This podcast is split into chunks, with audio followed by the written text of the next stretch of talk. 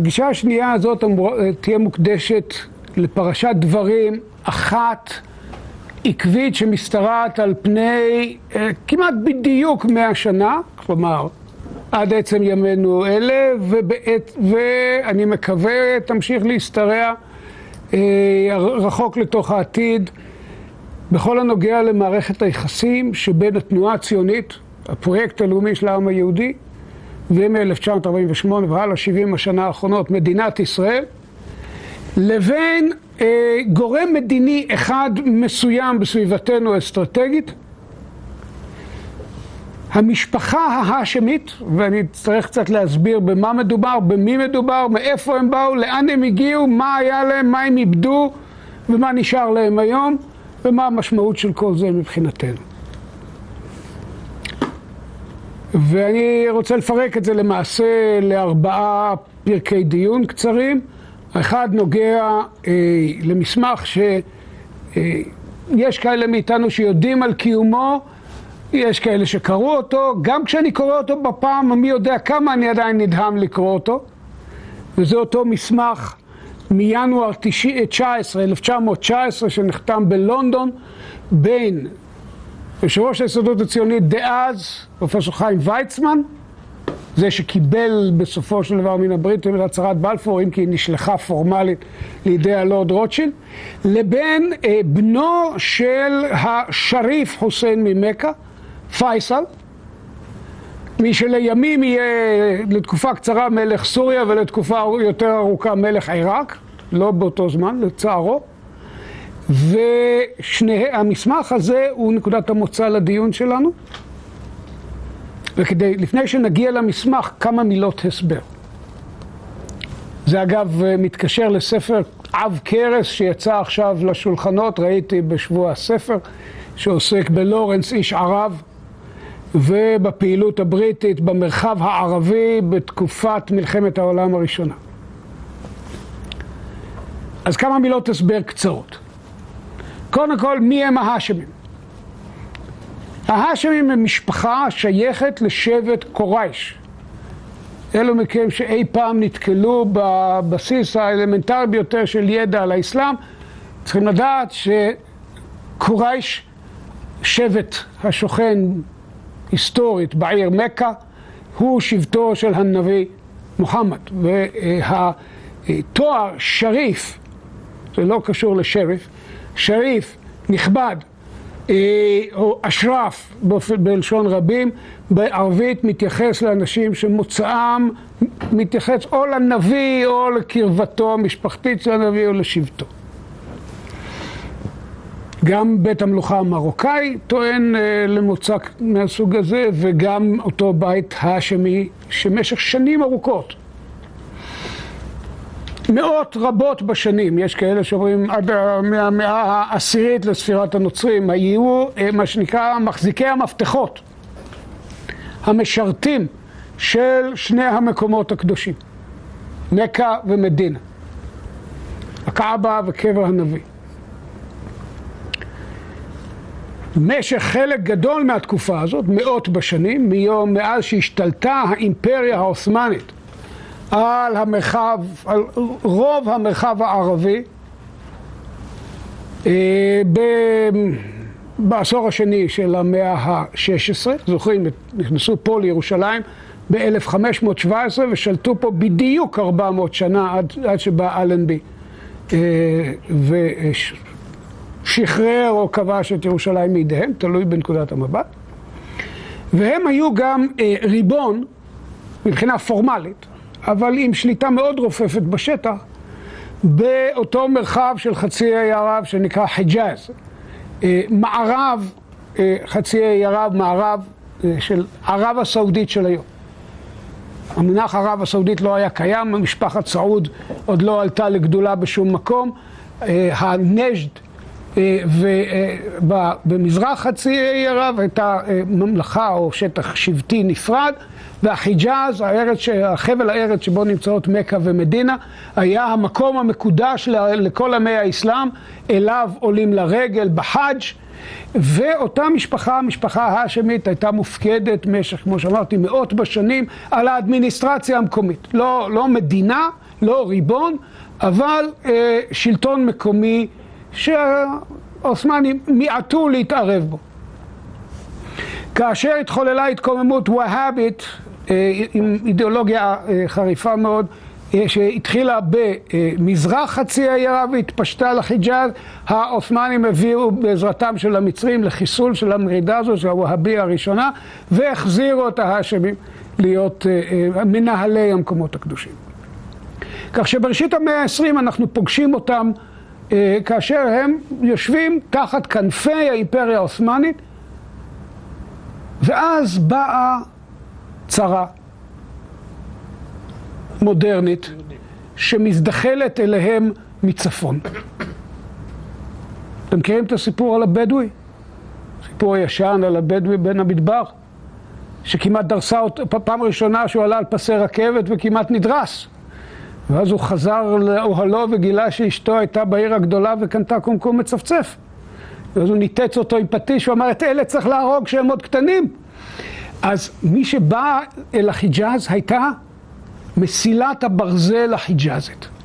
העות'מאנים, אגב, בעזרה צפופה, גם כספית וגם טכנית של הגרמנים, מה שבמידה רבה מסביר למה בסופו של דבר האימפריה העות'מאנית נכנסה למלחמה לצד גרמניה ונגד רוסיה, ולא לצד מיטיבותיה הישנות בריטניה וצרפת, אלה שלחמו למענה במלחמת קרים, באמצע המאה ה-19. הגרמנים חדרו לתוך טורקיה בכסף, בטכנולוגיה של הימים ההם, עזרו לתהליך המודרניזציה המואץ, ובין היתר בנו, עזרו לעות'מאני לבנות מסילות רכבת. רכבת העמק המפורסמת שלנו, הרכבת מיפו לירושלים, וגם רכבת שתוביל את החוג'אג', את עולי הרגל, מצפון דרומה אל אל מכה ומדינה. רכבת זה נוכחות, רכבת זה חיילים שאפשר להביא יחסית בקלות, רכבת זה אדמיניסטרציה, רכבת זה שכבה עות'מאנית מקצועית של שלטון שנכנסת ומתחילה לשבת להאשמים שלנו על הראש. ודי מהר מתחיל לגרד להם בראש כשיושבים להם עות'מאנים ומתחילים לגבות ישירות את המיסים, מתחילים להחליט עניינים משפטיים מעל ראשם, מתחילים לעשות להם סדר בשטח שהיה תמיד שלהם. אז מתחיל, מתחיל להתעורר מתח. המתח הזה מביא חלק מהצעירים במשפחה, בעיקר את אותו פייסל שלנו, אחד הנסיכים, גם, היה גם הנסיך עבדאללה, מיודענו, לימים מהמלך הראשון של עבר הירדן, לקשור קשרים עם ערבים אחרים באימפריה העות'מאנית שמוטרדים ממגמת פניה של האימפריה. וצריך כאן, אני יודע שאני דוחס היסטוריה שלמה, ארגזים שלמים של היסטוריה לתוך משפטים בודדים, אבל בואו נזכור שבאימפריה העות'מאנית מ-1908 והלאה, עם ניסיון של הפיכת נגד שנכשל ב-1912, זה כל העסק הולך לכיוון אחד. באימפריה העות'מאנית שולטת עכשיו כת קצינים שהם טורקים צעירים. טורקים אידיאולוגית, טורקים לאומים. אנבר פאש, הכל מיודענו, אלה שאחר כך שלטו פה ביד ברזל בזמן מלחמת העולם הראשונה. אה, כל, גם אה, כמאל פאשה, אה, גם הטאטורק הצעיר היה חלק מהעניין הזה, וכל החבורה הזאת היא טורקית לאומית. כלומר, האימפריה שהייתה פעם מבוססת על זהות אסלאמית, אוניברסלית, שלכאורה לא מבחינה בין טורקי לערבי לכאורה, הופכת להיות אימפריה טורקית, והערבים הופכים להיות אזרחים סוג ב'. באימפריה שנשארו בה בסך הכל רק ערבים וטורקים. למה?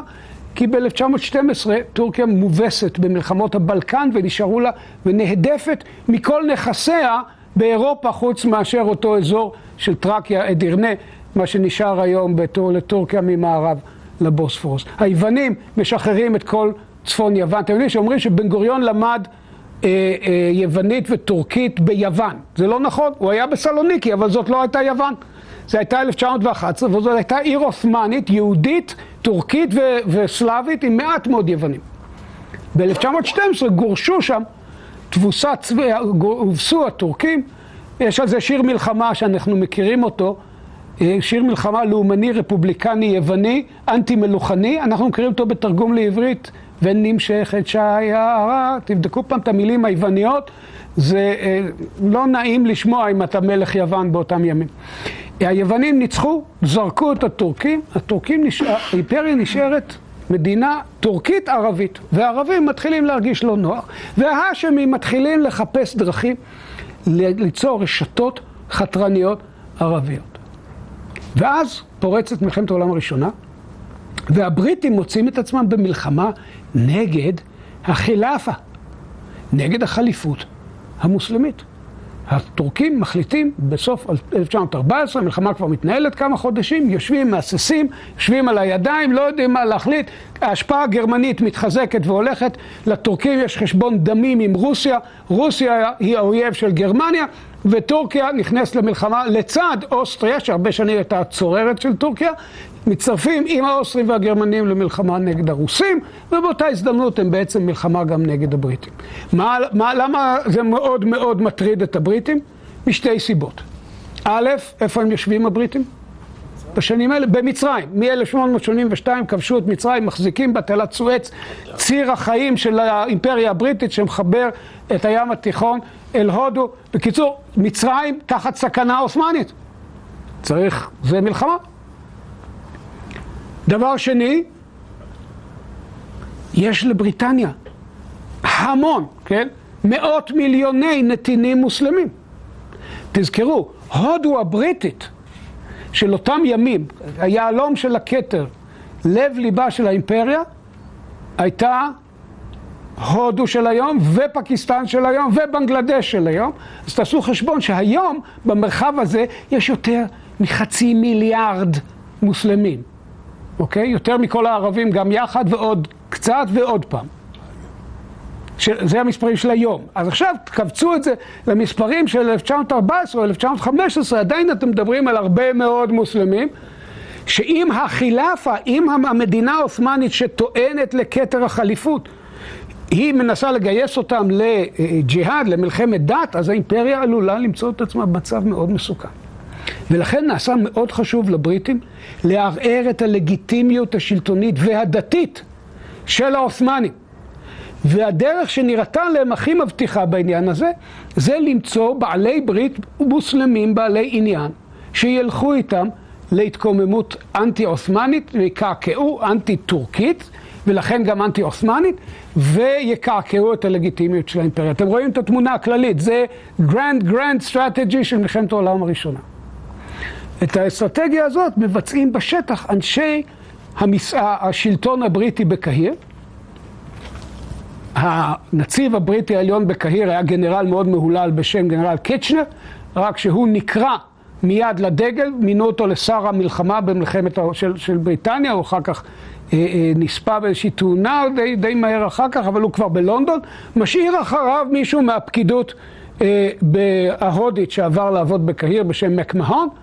ומקמהון ואנשיו, המרגלים שלו, הסוכנים שלו, אנשי הביון הבריטי, כל מיני הרפתקנים בריטים כמו מיודענו לורנס איש ערב, מתחילים לעבוד על העסק הזה ולחבר את ההאשמים אל הבריטים.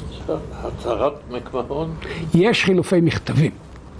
חילופי מכתבים, מ-1915 והלאה מתחילה להתגלגל חליפת מכתבים מאוד מפורטת בין מקמהון לבין השריף חוסיין ממכה.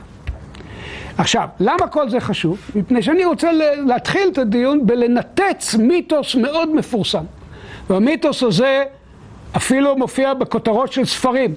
ואפילו הנרי קיסינג'ר הדגול נכשל בעניין הזה, קראתי אצלו פסקה בספרו על הסדר העולמי, הוא אומר הבריטים הבטיחו את ארץ ישראל גם לערבים וגם ליהודים, הבטחה סותרת ו... ותראו מה קרה. וכתב אירון מילר האמריקאי כתב a much promised land, כאילו הארץ המובטחת יותר מדי. כלומר, שוב, רמז לזה של כביכול היא הובטחה גם לערבים וגם ליהודים.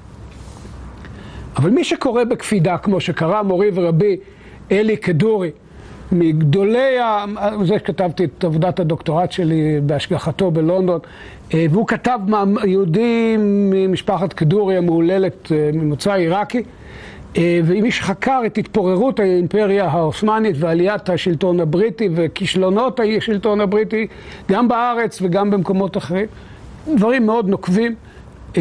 והוא בדק את ההתכתבות הזאת לעומקה ואת דקויותיה ומה עמד מאחוריה ומה כיוונו הבריטים להגיד ומה הבינו ההאשמים. ומתוך ההתכתבות הזאת עולה בבירור, אני לא אכנס אתכם אה, צעד אחר צעד, שהבריטים הודיעו הודעה מפורשת לשריף חוסיין ממכה, שאכן הם רואים לנגד עיניהם מדינה ערבית בהנהגתו, שתשתרע מחצי ערב וצפונה ועד גבולות טורקיה של ימינו, כלומר כולל סוריה וכולל עיראק, אבל החריגו מתוך המרחב המיועד למדינה הזאת את כל מה שממערב לווילייטים של חומס ודמשק. במילים אחרות, את מה שאנחנו קוראים היום ארץ ישראל ולבנון. עכשיו, האם העניין הזה שנוי במחלוקת? לטענת הפלסטינים היום, שמעתם את אבו מאזן בנאומיו האחרונים המתלהמים עם כל ה... הולך מקרומוול ועד אה, ימינו, אז לטענתו אכן אה, אה, מדובר במעשה נבלה.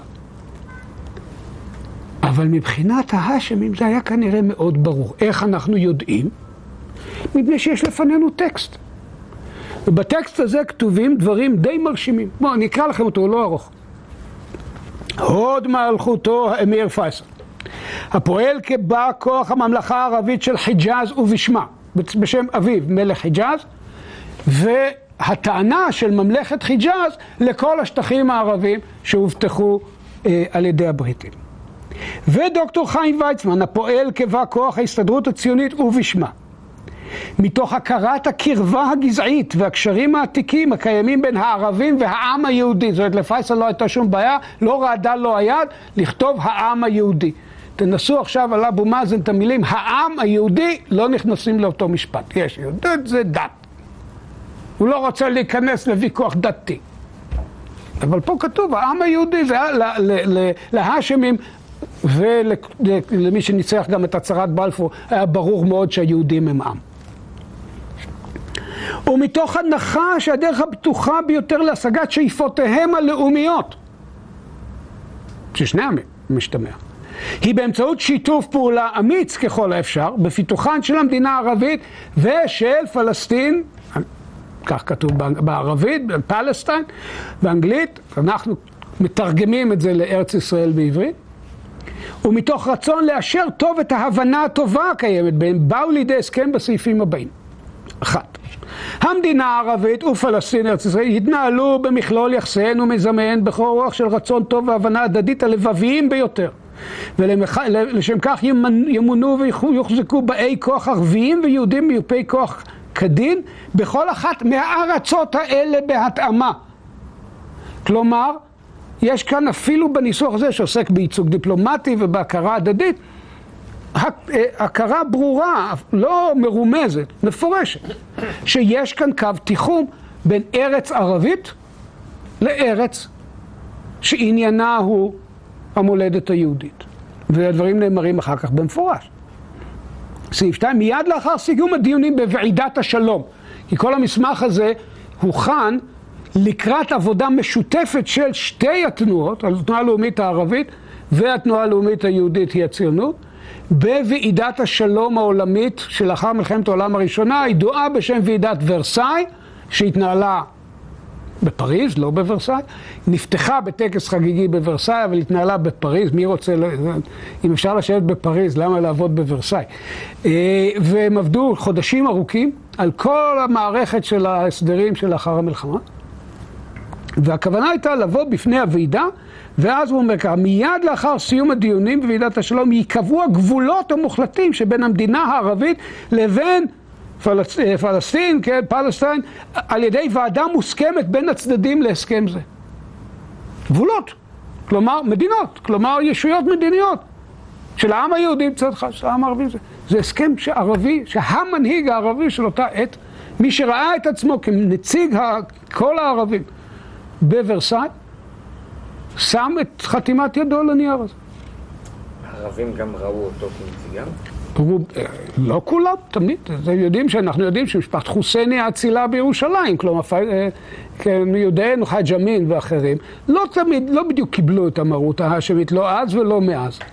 אבל אה, רבים מאוד רצו לראות אותו, אותו, את אביו, כמנהיגי העולם, המדינה הערבית המתהווה על חורבות האימפריה העות'מאנית המובסת. סעיף שלוש, בקביעת החוקה והמנהל של פלסטיין, כן, יאומצו כל האמצעים המקנים ערובה מלאה למימושה של ההצהרה של הממשלה הבריטית מהשני בנובמבר 17. זאת אה, זה תמיכה מלאה וגורפת בלגיטימיות של הצהרת בלפור.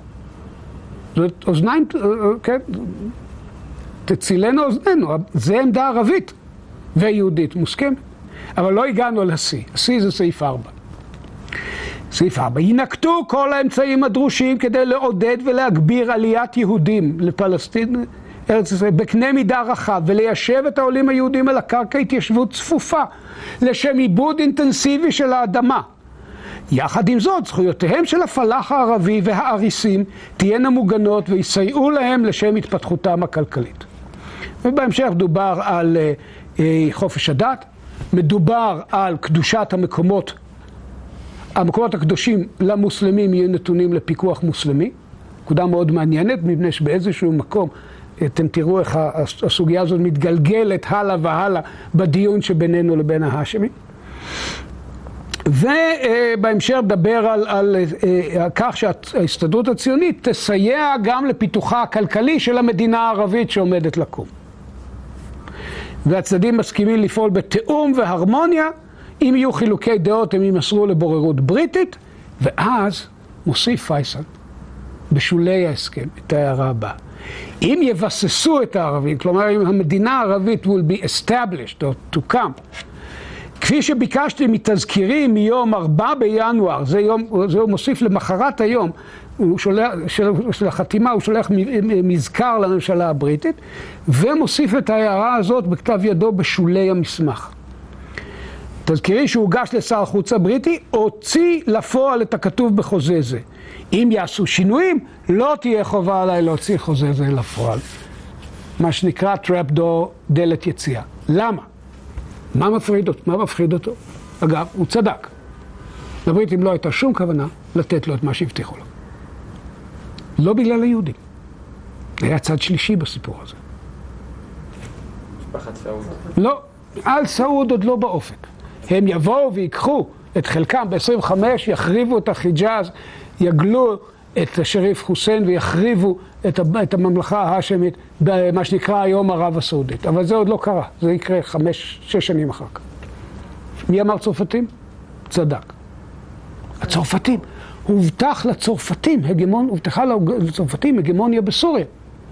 בהסכם, בהסכם החשאי הזה שנקרא הסכם סייקס פיקו, שנחתם בין סייקס לבין צרפתי אחד ששמו המלא היה ז'ורג' פיקו, כי הוא הוסיף את השם של אבא שלו לשמו, ושם משפחתו היה ז'ורג' פיקו, אבל כולם קוראים לו בקיצור פיקו, ולהסכם קוראים סייקס פיקו, וההסכם הזה הבטיח לצרפתים הגמוניה פוליטית בסוריה. ב- כן, מדינה ערבית, אגב, אין, זה לא סתירה מוחלטת. מי שקורא את זה רואה את ההתפתלות הדיפלומטית ש, שנועדה לאפשר גם להבטיח לערבים וגם להבטיח לצרפתים. אבל בסוף, בסוף, אתם יודעים, כוח פוליטי אי אפשר לגמרי לחלק. או שאתה ריבון, או שאתה לא ריבון. והצרפתים הבינו שהובטחה להם ריבונות בסוריה במסגרת שיטת המנדטים. לא איזה חסות ולא איזה נוכחות, שליטה בסוריה. וכשהיה צריך להחליט למי מקיימים את ההבטחה, למי מקיימים את ההבטחה, למי מפרים, הבריטים קיימו את הבטחתם לצרפתים. למה? אז התשובה לזה תמונה בשאלה הבאה. מישהו פעם היה בכפר צרפתי קטן? מה יש באמצע הכפר? נסיעה בצד אחד, ניחא, עם, אה, קתולי, כבר לא כזה קתולי. בצד השני, נוכחות הסמכות החילונית, לאיסיטה, כן? צרפת מדינה מאוד מאוד חילונית, כמדינה. בצד השני יש לה כיכר, העירייה, אוקיי? עיריית הכפר, מועצת הכפר. ובאמצע, באמצע הכיכר, יש אנדרטה. ועל האנדרטה יש את רשימת החללים של 1914, 1918. וכמה שהכפר לא יהיה קטן, הרשימה עדיין אינסופית. ואתה מזהה תכף ומיד שיש שם בני דודים ואחים וכל מיני בני משפחה וחמולה מורחבת, ואתה מבין איך הכפר הזה, כמו כל כפר צרפתי, דימם, אם הוא לא במקרה בצפון צרפת, שבאותה הזדמנות הוא גם נחרב עד היסוד, ואתה מסתובב באזורים של צרפת ואתה רואה שזה לא כפרים נורמליים, זה כפרים ש, ש, שאתה עדיין דוחף ידיים לאדמה ומוציא חלקי עצמות ושברי פגזים. קסדות, קסדות. כן, מי שהיה בוורדן יודע שיש שם בניין שנקרא אוסוור, יש שם מאה אלף חלקי גופות של מי יודע מי, גרמנים, צרפתים, מה שמצאו. זאת הייתה מלחמת העולם הראשונה. כמו שרוסיה שילמה את עיקר מחיר הדם והחורבן במלחמת העולם השנייה, צרפת שילמה את המחיר במלחמת העולם הראשונה. אז שהיה צריך לפרוע את ההתחייבות. אז עם כל הכבוד ללורנס איש הרב וגלימותיו ועלילותיו ומה שהוא עבר, ואני לא רוצה לפרט, בחברה מאוגנת, אז בסוף, בסוף, הצרפתים ניצחו. ופייסל גורש, בקר... אחרי קרב מייפלון, פייסל גורש ב-1920 מדמשק, מצא את עצמו גולה ומובס. והבריטים נכנסים למה שנקרא damage control mode, עושים בקרת נזקים, נותנים לו את המדינה המודבקת הזאת שנקראת עיראק כממלכה, מיד פורצת שם התקוממות והעסק מסתבך והולך, ולאחיו עבדאללה, אבי סבו של עבדאללה השני, הם נותנים כאמיר, עדיין לא כמלך, אמיר את עבר הירדן, צ'רצ'יל כשר המושבות קורע את עבר הירדן המזרחי מכתב המנדט המיועד, שעוד לא נחתם, עוד לא, עוד לא אושר על ידי חבר הלאומים, מוציא את עבר הירדן המזרחי מגדר ההתחייבות הבריטית אה, בהצהרת בלפור ונותן אותה להאשמים. מכאן והלאה בטלה, בטלה המחויבות של ההאשמים להתיישבות יהודית צפופה ולכל מה, ולהסכם גבולות מסודר ולכל מה שמופיע פה. אבל חשוב מאוד לחשוב, לספר לעצמנו את הסיפור הזה מפעם לפעם מחדש, מפני שנטענת כנגדנו טענה שהרימו את הערבים והבריטים הבוגדנים, אלביון הנוכלת, אז היא הייתה באמת נוכלת ואת הערבים והערבים באמת בגדו, אבל לא לטובתנו. ולא היה ניגוד מובנה מלכתחילה בין התנועה הלאומית הערבית לבין התנועה הלאומית היהודית, היא הציונות. זה משהו שמתפתח והולך משנות ה-20 והלאה עם התגבשותה של הנהגה לאומית, עם או בלי מירכאות, זה כבר לא משנה, כי כיום זה כבר עובדה, אבל התגבשותה של תודעה לאומית והנהגה לאומית בצד הערבי הפלסטיני, בצד הזה של הירדן מערבה, אבל ההאשמים, אה, אה, לפחות בנקודה הזאת, שהכל עוד היה פתוח וכל האפשרויות היו ניתנות למימוש, בנקודה הזאת ההאשמים לא היו אויב. ומעבר לזה, כשמסתכלים במעלה הדרך, נמשכו קשרים ידידותיים כאלה ואחרים עם חצרו של עבדאללה בירדן. הרבה פחות מזה עם פייסל בעיראק, אבל פה, משני עברי הירדן, יחסים מורכבים, כאשר אה, יש גם אה, את כל הנושא של קשרים רפואיים ואינטרסים כלכליים ורופאו של המלך המזעיק מפעם לפעם את אה, דוקטור טיחו בענייני עיניים וכיוצא בזה, אבל בסופו של דבר, ירדן היא לא גורם, הממלכת או, או אמירות עבר הירדן היא לא גורם עוין בהגדרה, אבל אה, כל ההבטחה הזאת של שיתוף פעולה ושל אה, אה, הסכמה הדדית מבוססת קרס בעקבות הסיפור הצרפתי בסוריה. עכשיו, האפיזודה השנייה, והיא, אני אומר, נוגעת לבשרי, אישית, לגמרי. הצלחתי גם לסגור את המעגל, אני אסביר לכם למה אני מתכוון. השאלה היא מה קרה פה ב-48. 47, לקראת המלחמה, בחודשים הראשונים של 48, בניסיונות המאוד מאוד מאומצים, כמעט נואשים, של ההנהגה הציונית לשכנע את עבדאללה להישאר מחוץ למעגל המלחמה, בסוף, ובסופו של דבר בלחימה עצמה. למה אני מדבר על עצמי ובשרי? כי אבי, עדיין איתנו, אה, היה מלוחמי העיר העתיקה. למעשה היה הפלמחניק היחיד בעיר העתיקה, הלך קצת לטייל בעיר בדצמבר, אמר שאולי הוא ייתן כתף, ייתן רובה קצת במצור, בחילופי האש שמתחילים עם סילואן. מפה לשם עד שרצה לצאת לחזור לחבר'ה שלו, אה, שהיו, של הפלוגה, אז אה, בקריאת ענבים, אז כבר אי אפשר לצאת מהעיר העתיקה. והוא בילה את המלחמה תקוע, הוא היה הפלמחניק היחיד של בעיר העתיקה, היה מפקד כיתת הרזרבה של העיר העתיקה.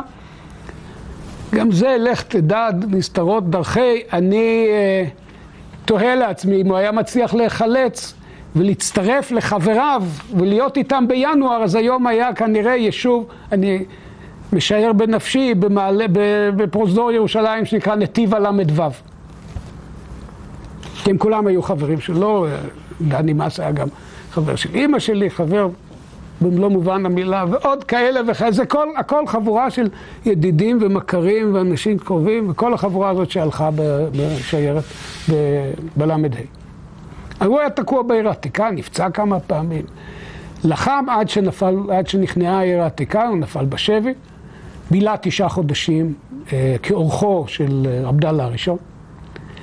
הרבה שנים אחר כך יצא לי אה, לבקר את עבדאללה השני בארמונו יחד עם משלחת של הוועד היהודי האמריקאי.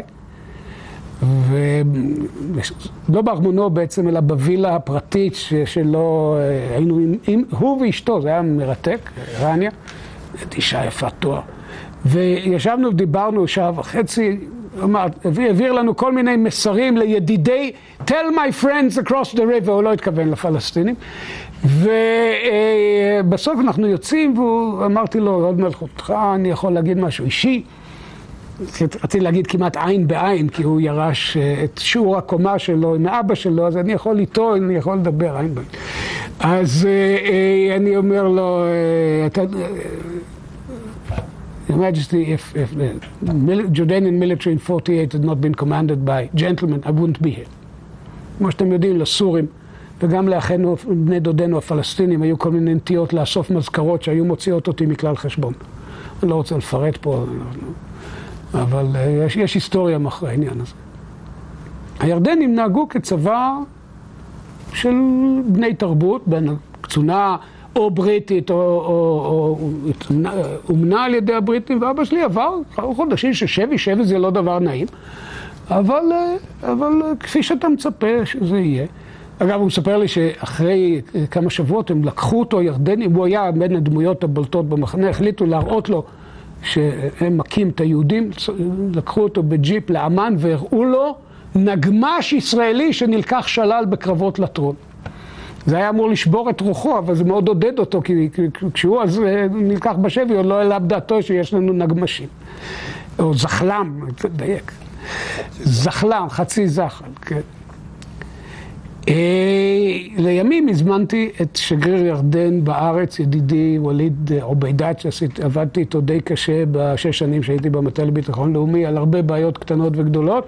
הזמנתי אותו לחתונה של בתי, כדי להושיב אותו עם אבא שלי ולסגור את המעגל. אמרתי לעצמי, לא, לא בטוח שאבא שלי העלה בדעתו כשהוא uh, ישב במפרק באום ג'מאל, שיבוא יום והשגריר הירדני יבוא לכבד אותו בחתונת נכדתו. אז זה העניין האישי בסיפור הזה. אבל אז נשאלת השאלה הגדולה באמת, מה באמת קרה בינינו לבין הירדנים במלחמה הזאת? עכשיו ככה, צריך לדעת, יש כאן שני עניינים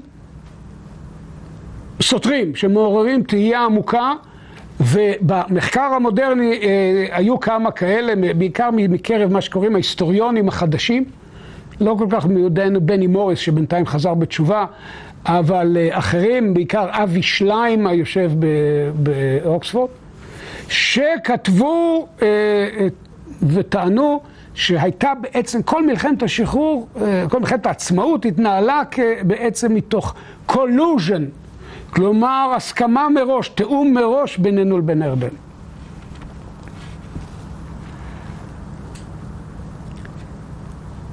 וזה, ו, ויסוד הדברים, בכך שבן גוריון, וכאן צריך להגיד דברים חדים, בן גוריון הגיע להכרה כבר ב-1946, שכדי לזכות בתמיכה הבינלאומית הנדרשת, כדי לזכות בתמיכת ארצות הברית, בהקמתה של מדינה יהודית לעם היהודי בארץ ישראל, צריך להציע חלוקה.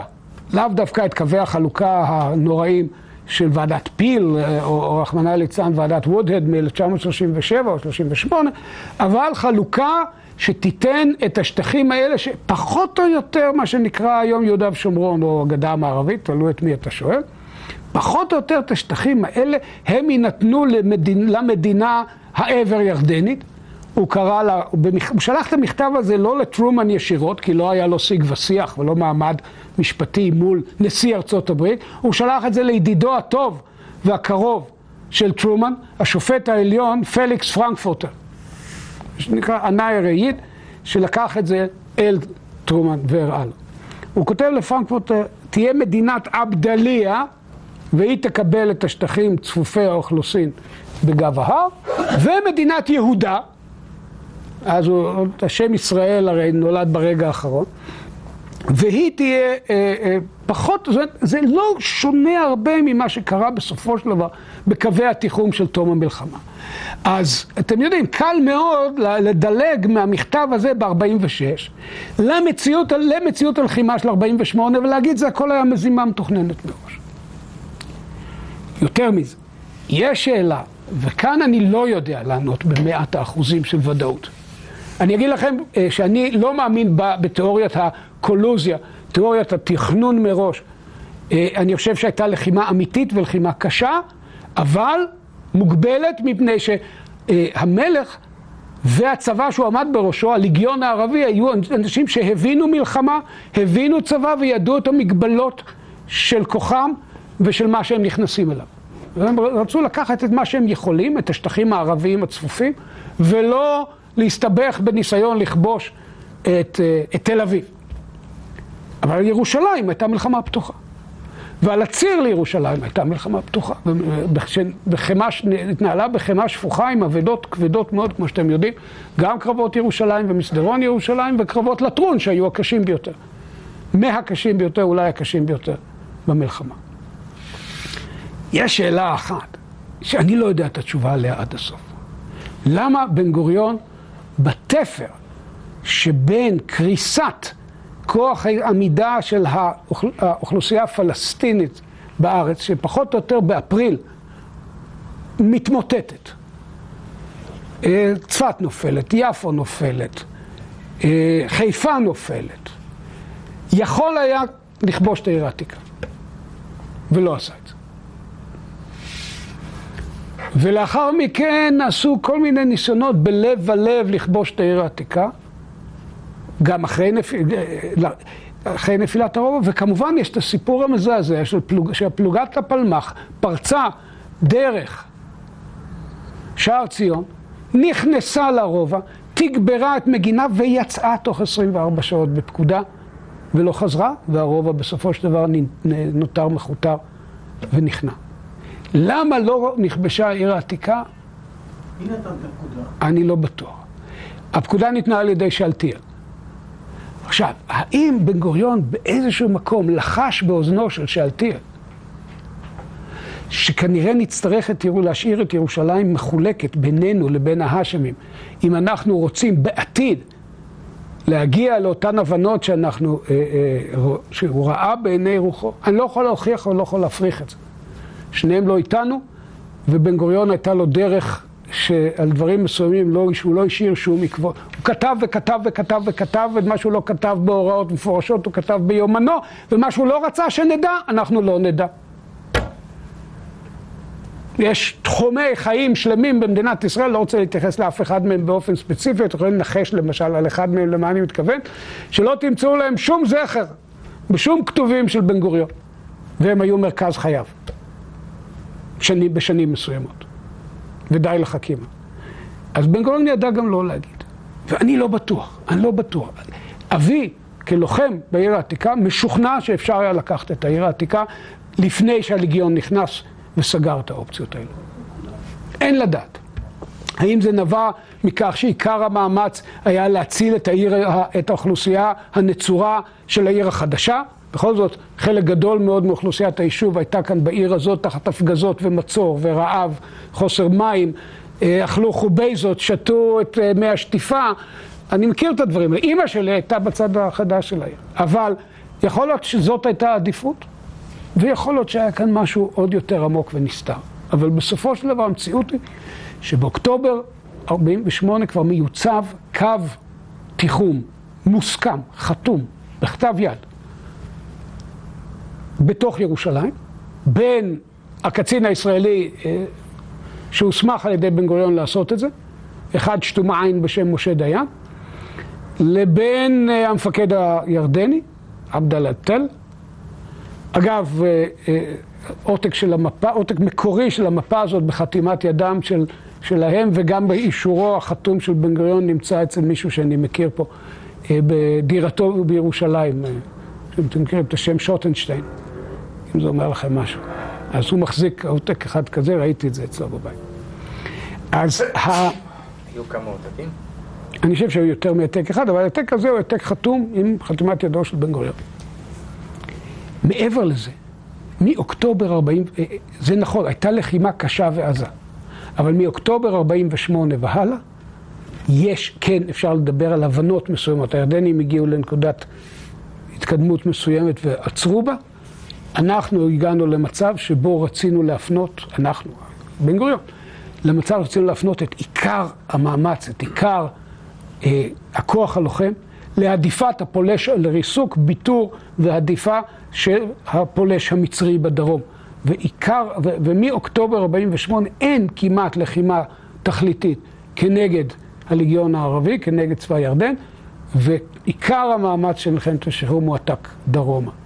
ידענו, פחות או יותר, הייתה לנו איזושהי תובנה שירדן אה, אה, הגיעה לנקודה שהיא שאפה להגיע אליה ולא מעבר לזה.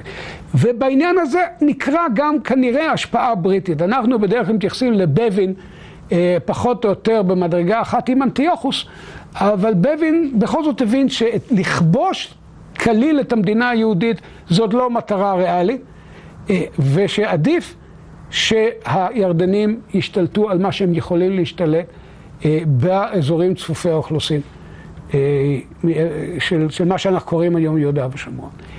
מה שהיה משותף, וכאן צריך להגיד, ואני חושב שזה לא רק נכון, אלא גם לגיטימי, ויש לזה הד שמתגלגל והולך עד ימינו, מה שבאמת היה משותף לבן גוריון, עבדאללה, אמיר ואחר כך מלך ירדן, ואפילו לבבין ולבריטים, הייתה אה, סלידה עמוקה ומאוד מאוד מוצדקת כלפי ההנהגה הפלסטינית, או ליתר דיוק, דמותו הקורנת של חאג' אמין אל-חוסייני, שזה עתה נמלט אה, דרך צרפת, מצא מחסה בגר, בגרמניה, ב, אה, במצרים. אבל היה במהלך כל מלחמת העולם השנייה, בגר... מ-41 והלאה, על כל פנים, אה, בגרמניה ניהל תם... אגב, אגב, ראש הממשלה נכשל בדבריו, אני אומר לכם את זה חד וחלק. הוא לא, הוא מכר להיטלר את ההשמדה. תקראו את יד ושם, תראו את היטלר צורח על ההשמדה בבונדס, אה, ברייכסטאג כבר בינואר 39. שאם היהודים יביאו למלחמה, אז מחירה של המלחמה הזאת תהיה Vernichtung. כן, השמדה של הגזע היהודי באירופה. הוא לא היה צריך את חאג' אמין אל-חוסייני, הוא, לא הוא לא רק כתב את, את מיין קאמפף, הוא אפילו קרא אותו.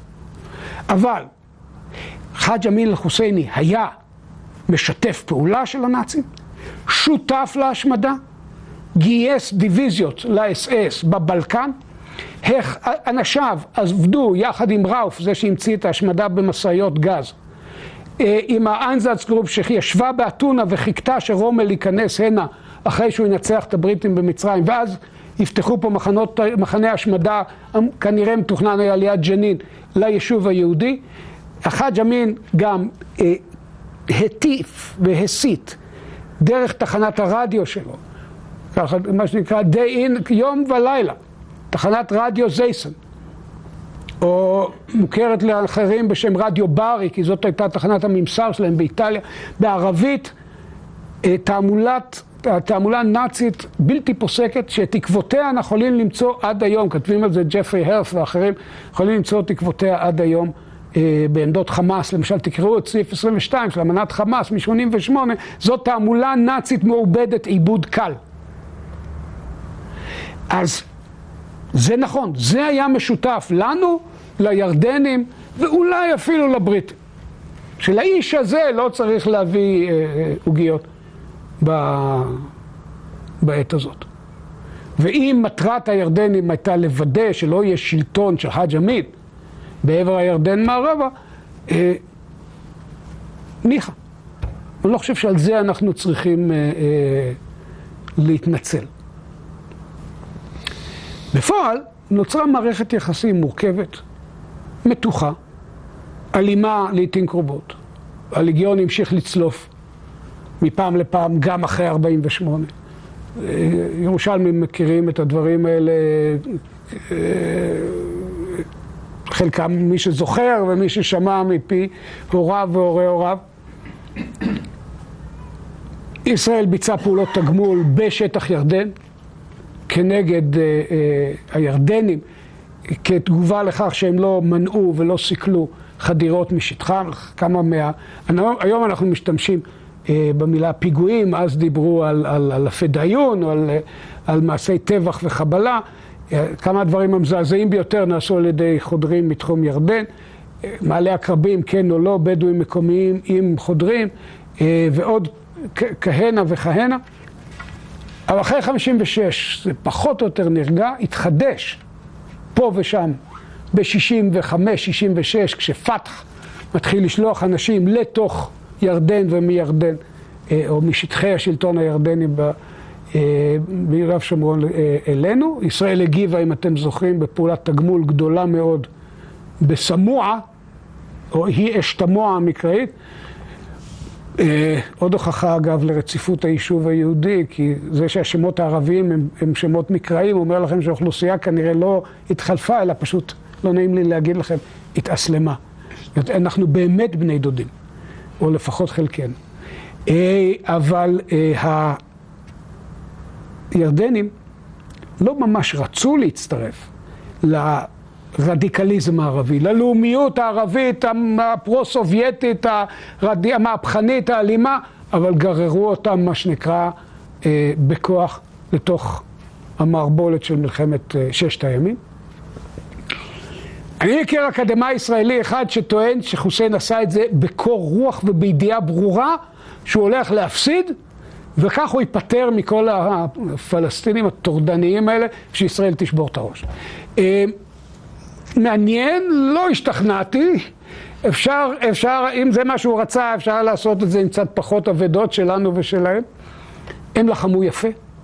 אגב, גם הקרבות, למרות שזה מסחרר לראות איך במקרה אחד זה אותה חטיבה עצמה, חטיבת הראל, רק שהיא עכשיו הייתה חטיבת שריון בפיקודו של אה, אורי בן ארי, חטיבה עשר, שעולה דרך צירי ההר ולוקחת את לטרון בלא קרב.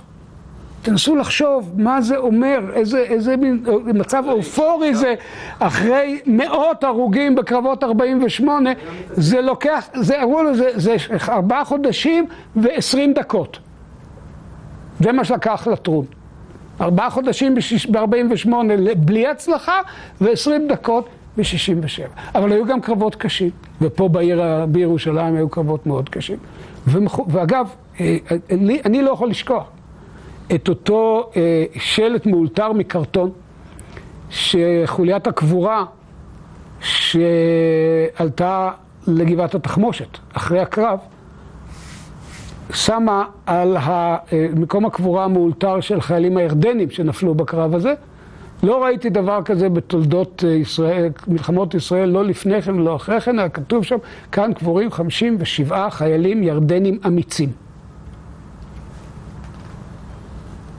וכך היה היחס תמיד בינינו לבין הליגיון הערבי, לבין, לבין הירדנים.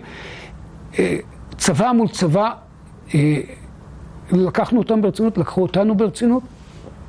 היו מעשי אכזריות, היו גם מעשי טבח ירדנים, בגוש עציון היה מעשי טבח, אבל בדרך כלל, בדרך כלל, זה התנהל כמלחמה בין אנשים שמכבדים זה את זה. וב-67' הוא איבד את, הוא איבד את אה, אה, יהודה ושומרון. הוא גם איבד במידה רבה את השליטה על ממלכתו שלו, מפני שהפלסטינים, אלה שנמלטו, ארגוני הטרור שחודרים מסוריה, הפכו למעשה את ירדן למגרש משחקים. ואז זו התקופה של... אה, לא, כן, זה מגיע לספטמבר, עוד לפני כן, ארץ המרדפים. היה קרב אחד שאני זוכר אותו בדיוק, נפל על יום הולדתי ה-11, אז אתם יכולים לעשות חשבון. אה, קרב קראמה, 21 במרץ, 68, קרב שהשתבש דרך אגב, לא בגלל אה, אה, שהפלסטינים לחמו בגבורה, אלא בגלל שענף שטח באמן מחקר לא עשה את העבודה עד הסוף, והתברר שיש שם, האזור היה מבוצבץ לחלוטין אחרי גשמי החורף, הטנקים שלנו נתקעו. הירדנים שלחו את שאריות הכוח המשוריין שלהם, היה להם בערך, אחרי מלחמת ששת הימים, נשארה להם פחות או יותר בערך אה, פלוגת טנקים. ואותה הם הוציאו לקרב, שזה דבר ראוי לציון בפני עצמו, והם עשו, הם, הם גרמו לרוב האבדות. ערפאת נמלט כל עוד נפשו בו, ואחר כך הפך את קרב קראמה, שהמילה קראמה בערבית פירושה כבוד, אה, הפך אותו לקרב הכבוד שבו הפלסטינים, לראשונה מישהו עצר את הצבא הישראלי הבלתי מנוצח.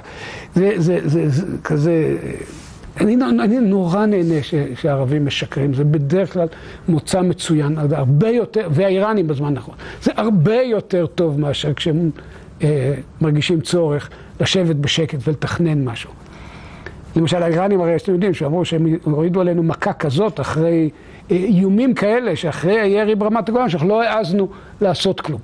אז אם הם מרגישים צורך לשקר ברמה הזאת, זה כנראה סימן שיש להם צורך פסיכולוגי להסביר לעצמם למה הם לא עשו כלום, אחרי המכה שהם חטפו.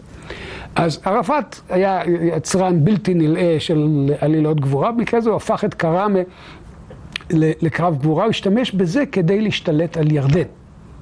ובהדרגה המלך מאבד והולך את שליטתו, אה, שמים לו מחסומים בכבישים. אה, של הפידאיון של ארגוני הטרור הפלסטינים, ובנקודה מסוימת, ספטמבר 70, חטפו אל אדמת ירדן ארבעה מטוסי נוסעים של חברות מערביות כדי לשחרר אה, אסירים פלסטינים. ובנקודה הזאת המלך פקעה סבלנותו, והיה לו צבא טוב, והוא נתן לו פקודה. תוך כדי זה הוא מדבר עם האמריקאים, ואומר, אני מוכן שיעזרו לי מכל גורם אפשרי, ישראל, ובלבד שתאפשרו לי להכות אותה מכת השמד. וזה מה שהוא עשה. המכה הייתה כל כך גורפת, שכמה מאות מגיבורי המאבק הלאומי הפלסטיני ברחו אל, אלינו, אל מעבר לירדן, למצוא מחסה בחיק, בחיק צה"ל. אבל בתגובה, הסורים פולשים. הצבא הסורי, שר ההגנה אז היה אסד האב. פולשים לירדן, הטנקים שלהם הולכים דרומה, עולים על רמת אירביד ומתחילים להתקדם לעבר עמן. עכשיו, אה, מה שמדויק להגיד זה שא', הירדנים נלחמו בגבורה רבה ועיכבו ובלמו את הסור. והסבו להם אבדות. דבר שני, האמריקאים הרימו פרופיל, נטרלו את האפשרות של התערבות סובייטית ואותתו לסורים. שהם נותנים גיבוי מלא גם לירדן וגם לישראל. אבל הדבר המשמעותי ביותר בכל המשוואה הזאת הייתה שצה"ל עולה למוכנות למלחמה, לא רוצה לפרט כרגע מה בדיוק נעשה, אה, מעלים את, אה, את האוגדות של צה"ל צפונה להיערכות חירום. אה, אז נכתב השיר הנחמד, אלעד ירד אל הירדן, כי האוגדה שלו ישבה על יד הירדן, והוא ירד קצת לטייל, ומחכים לפקודה אם הסורים ממשיכים להתקדם לתוך ירדן, אנחנו ניכנס לסוריה. לא נילחם בהם על אדמת ירדן, אלא נכה אותם בסוריה.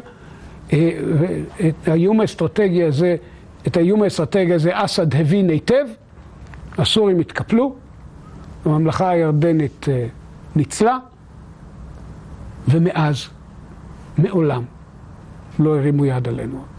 יותר מזה, את החוב שלו המלך סילק. חלקית לפחות. ב-73, היום זה לא סוד, בא לארץ, הוא בא הרבה פעמים לארץ, הוא גם מאוד אהב לשבת בכל מיני אה, אה, תחפושות בדיזנגוף, אה, אה, להתבונן בנוף האנושי. אבל אה, אה, הייתה לו, חלקים מסוימים של הנוף האנושי עניינו אותו מאוד. אבל אה, מעבר לזה, הוא בא, בא לארץ, נפגש עם גולדה מאיר, והסביר לה שלהבנתו הסורים פניהם למלחמה. אני מדבר על ספטמבר 73. לא כך רצו לשמוע פה במקומותינו, בימים ההם, לראש אמ"ן הייתה קונספציה.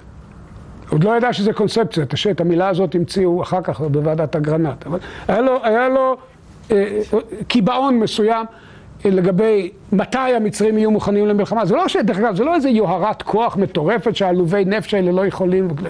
הוא, הוא, היה לו כז...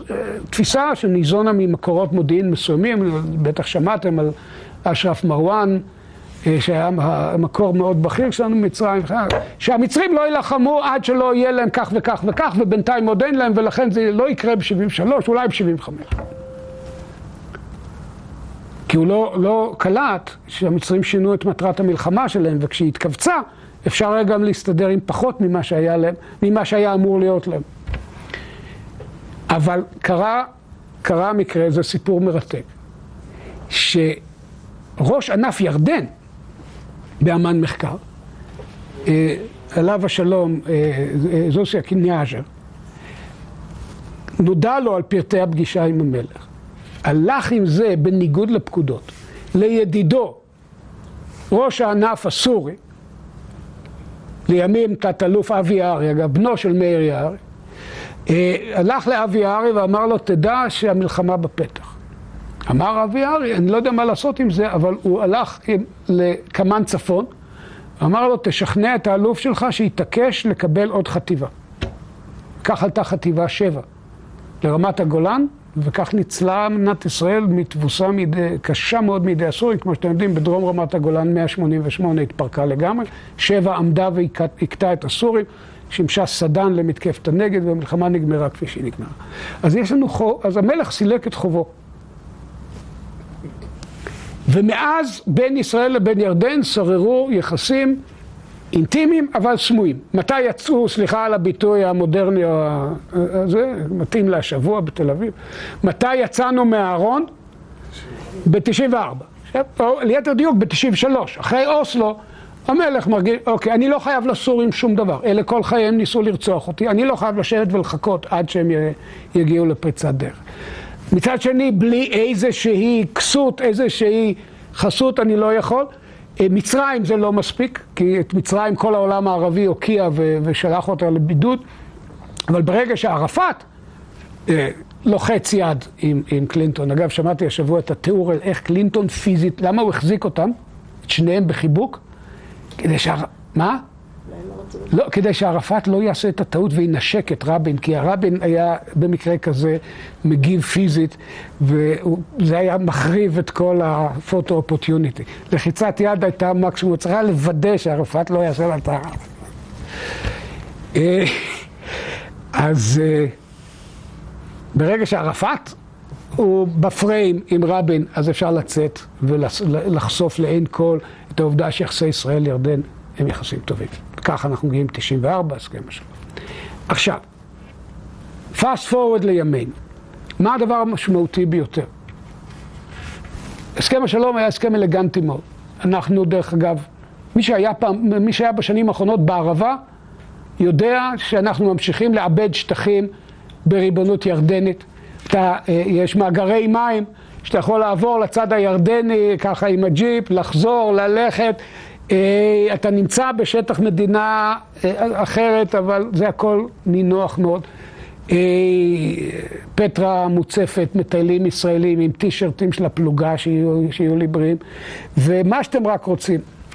אבל, ומעבר לזה היו גם מרכיבי נורמליזציה כלכלית, מה שנקרא QIZ, Qualified Industrial Zones, תוצרת ירדנית שיש בה תשומה ישראלית שנמכרת בארצות הברית כחלק מאזור הסחר החופשי בין ישראל הברית. היום זה כבר לא רלוונטי, כי גם לירדנים יש את אותן פריבילגיות שיש לנו. אה, ירדן בהחלט הרוויחה הרבה מאוד מהסכם השלום. אבל הדבר המשמעותי ביותר לימינו זה נושא ירושלים. הסכם השלום מכיר בכך שלירדנים ולוואקף הירדני יש מעמד ייחודי אה, במה שמופקד לאחריותו בהר הבית במסגרת מה שנקרא הסטטוס קוו המפורסם שדיין יצר אותו כבר ב-67. עכשיו, בהפוך על הפוך, מה שזה אומר, וכאן אני אה, מסתכן בקביעה, זה אומר שלירדן יש אינטרס מובנה שישראל לא תמסור את ירושלים לשלטון פלסטיני.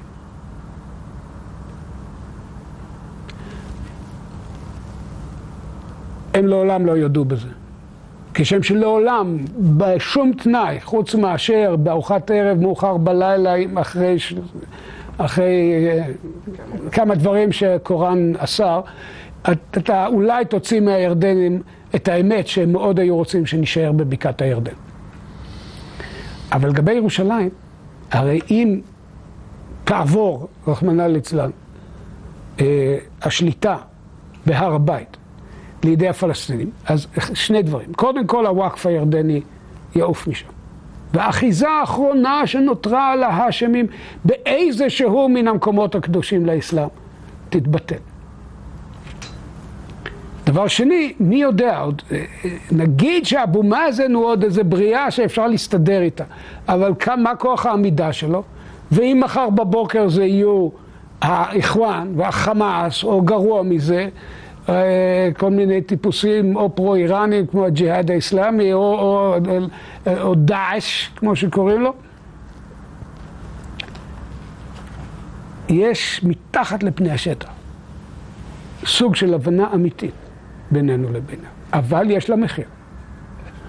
המחיר הוא שאנחנו דיברנו עם הירדנים יומם ולילה על הנושא הזה של, אה, של תפילת יהודים בהר הבית, כל מערכת הרגישויות שעוטפת את זה.